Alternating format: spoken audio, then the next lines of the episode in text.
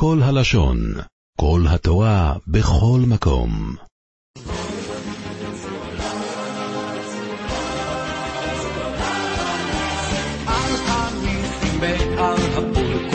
אם נתבונן, נשים לב דבר מאוד מעניין.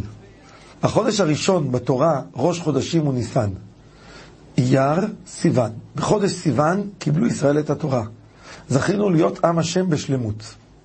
והנה, השנה מתחילה מחודש תשרי. תשרי חשוון, כסלו. כסלו זה החודש השלישי מחודש תשרי, בו הייתה קבלת תורה שבעל פה, בו מסרו את הנפש על תורה שבעל פה. פה התחיל בית שני עם כל אנשי כנסת הגדולה, שהם התנאים הקדושים, שלימדו אותנו את כל תורה שבעל פה, ועל זה הייתה המלחמה, על להשכיחם תורתך. ולכן העבודה שלנו בנר חנוכה, יש לנו מהדרין ומהדרין מן המהדרין במצוות דרבנן. אנחנו באים להראות כמה חשובים לנו התורה שבעל פה שאותה אנחנו לומדים. משה רבינו תיקן שיקראו בתורה, עזרא תיקן שיקראו בח, אה, גם, גם בחגים, גם בשני וחמישי, וגם בימי חנוכה. הוא תיקן לנו את קריאות התורה שאותם אנו קוראים כל יום ארבעה מילים. מה זה זאת, חנ... זאת חנוכה? יש בה מצווה מיוחדת וידוע סגולה גדולה, מי שזוכה לעלות בה לתורה. העלייה בתורה, עם זכות התורה, אנחנו מקיימים פה את גזירת עזרא, שזה גם נקרא כמו גזירת דה רבנן.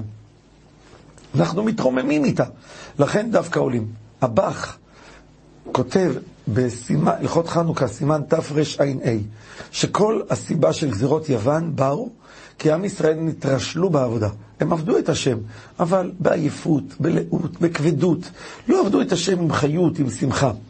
ברגע שבני ישראל ירד כוח הקדושה, היוונים קיבלו כוח חזק יותר לכוח הטומאה שלהם, לטמא את בית המקדש. הם לקחו את הכל.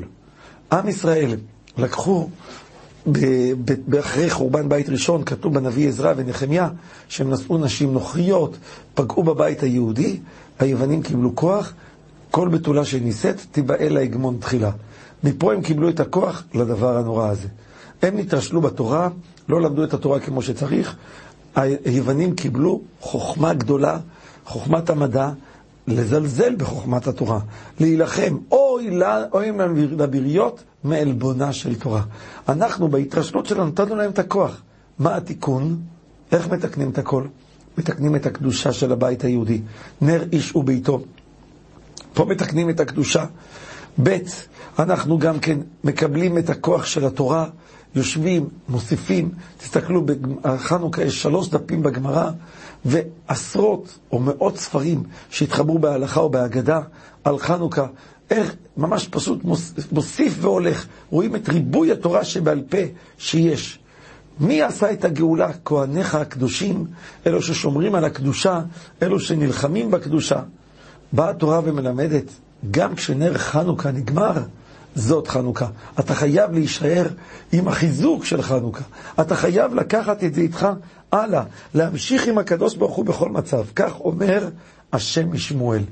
רבי ישראל מרוז'ין, מובא בספר זרע קודש, ליל חלק ב', ליל ג' דחנוכה, הוא היה אומר שכל תפילת יהודי הכי פשוט בזאת חנוכה, היא מתקבלת בשמיים כתפילת צדיק הדור בראש השנה או יום הכיפורים.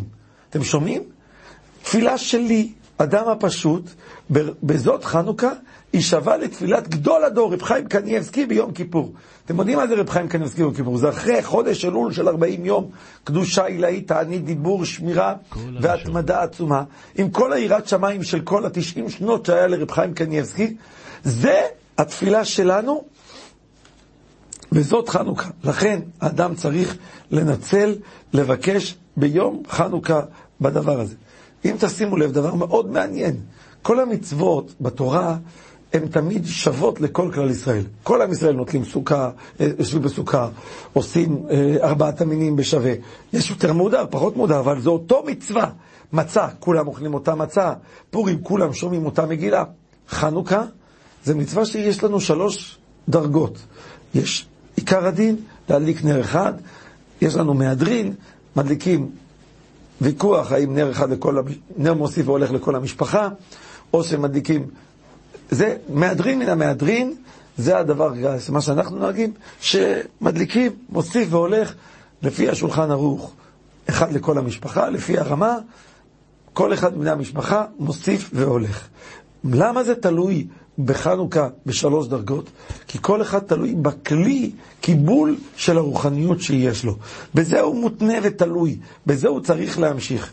אני רוצה להביא לכם, כותב במחזור ויטרי, שחנוכה זה מלשון חן, דבר ראשון, וגם מלשון חנינה. זה גם מלשון חנינה, שהשם נותן לנו מתנת חינם, זה מתנה נפלאה, זה נקרא תמיד חנון. מה זה חנון? שאדם ידע שיש לו את הכוח לתפוס. אני רוצה לספר לכם כמה שווה לפעמים סייעתא דשמיא של כל חיזוק, של כל התבוננות, של כל תוספת במעלה. סיפר הרב גרוסמן, הרב של מגדל העמק, מספר שהוא הגיע לצרפת ופגש שמה את הרב כץ, יש לו ראש ישיבת אוצר התורה, והוא שאל אותו, שמציעים לו איזה מדריך שהוא מכיר אותו, קוראים לו ישראל גולדברג, האם הוא יכול להיות מדריך אצלו בישיבה? את אותו ישראל גולדברג שהרב הכיר, הרב אמר לו, המדריך צריך מדריך לשמור עליו, ודאי שהוא לא ראוי לשמור על האחרים. אמר לו הרב כץ, תודה רבה שאמרת לי את זה, יש פה נשמות של ילדים שאני צריך לשמור עליהם, טוב שהזהרת אותי. אומר, הוא חזר לארץ ישראל, הנהג שלו אמר לו, אנחנו נוסעים דרך בני ברק. אומר לו, בשביל מה אתה נוסע דרך בני ברק? הוא אומר, אני ראיתי שהרב לא אכל כלום כבר כמה שעות, אני נכנס לקנות אוכל. הם באים, הוא נכנס לאיזה מקום, באיזה מקום, לקנות איזה אוכל לרב, שאחרי כמה שעות הוא לא קנה. פתאום הרב גרוסמן יושב באוטו, וניגש אליו, אומר, שלום הרב גרוסמן, מן השמיים אני פוגש אותך. אמר לו, כן.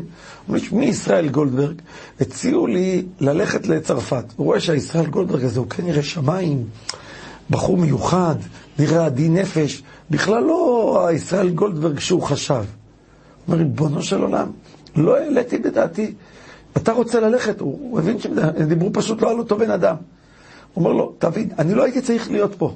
הנהג שלי לקח אותי לבני ברק בלי שאני מבין, כי הוא רצה לקנות לי אוכל. אבל האמת, הוא לא בא בשביל האוכל.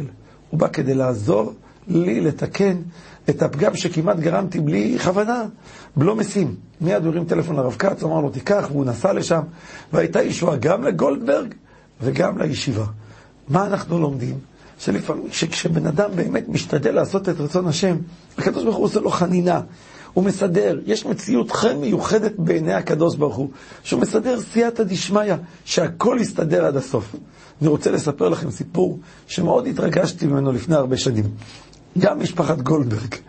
יש יהודי שנסע עם כל משפחתו, היו בחתונה של האח שלו, באולמי תמיר בירושלים. הם חזרו באחת, אחת וחצי בלילה אחרי שצילמו את כל המשפחה, אתם יודעים, כל המשפחה חוזרת, והנה בכביש החשוך ליד גבעת זאב, הרכב שווק חיים לכל חי. מנסים לבדוק, התברר שהמצבר לא נדלק, לא עובד, המצבר הלך.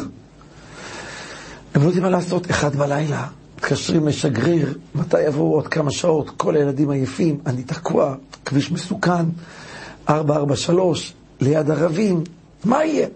והנה עבר שם יהודי בשם גולדברג, הוא היה עורך דין, יהודי שומר תורה ומצוות, שגר בגבעת זאב. הוא רואה, הוא קולט מעט הסיפור, הוא אומר להם, שמע, אני גר בבניין הראשון פה, יש לי גם אופניים. הוא אומר, אני רואה שאין פה ברירה, צריך צריכים להחליף את המצבר. מחקו. הוא נכנס עם הרכב שלו, חנה, החנה את הרכב, הוציא את המצבר מהרכב שלו, נתן לו את המצבר, אמר לו, אני מחר אסתדר, אתה תשלח לי מחר מצבר חדש לרכב. אמר לו, תודה רבה, הצלת. והוא נתן לו. אותו לילה הגיעו ערבים לגבעת זאב, לפרוץ למכוניות. באים לגנוב את המכוניות, כל המכוניות הם מצליחים להתניע, את המכונית של אותו עורך דין גולד לא הצליחו להתניע, כי המצבר לא היה שם. נמצא שהחסד המשונה הזה שהוא עשה, לתת את המצבר שלך, להיתקע בלי רכב, זה מה שהשאיר לו את הרכב. זה מה שהשאיר לו. מפה אדם לומד. לזכות לחנינה, לזכות לחנוכה, צריך אדם שמוכן לעשות דברים שגם נראים קשים. מסירות נפש. ההפך מנתרשלו בעבודה. זאת חנוכה. זה מה שחנוכה מלמד אותנו. יוצאים מחנוכה, צריכים להיכנס לימי החורף הארוכים עם הרבה חשק, עם הרבה שמחה, ואנו תפילה לריבונו של עולם, שבעזרת השם יאיר עינינו ויציל אותנו וייתן לנו ניסים ונפלאות, ישועות ונחמות, אמן ואמן.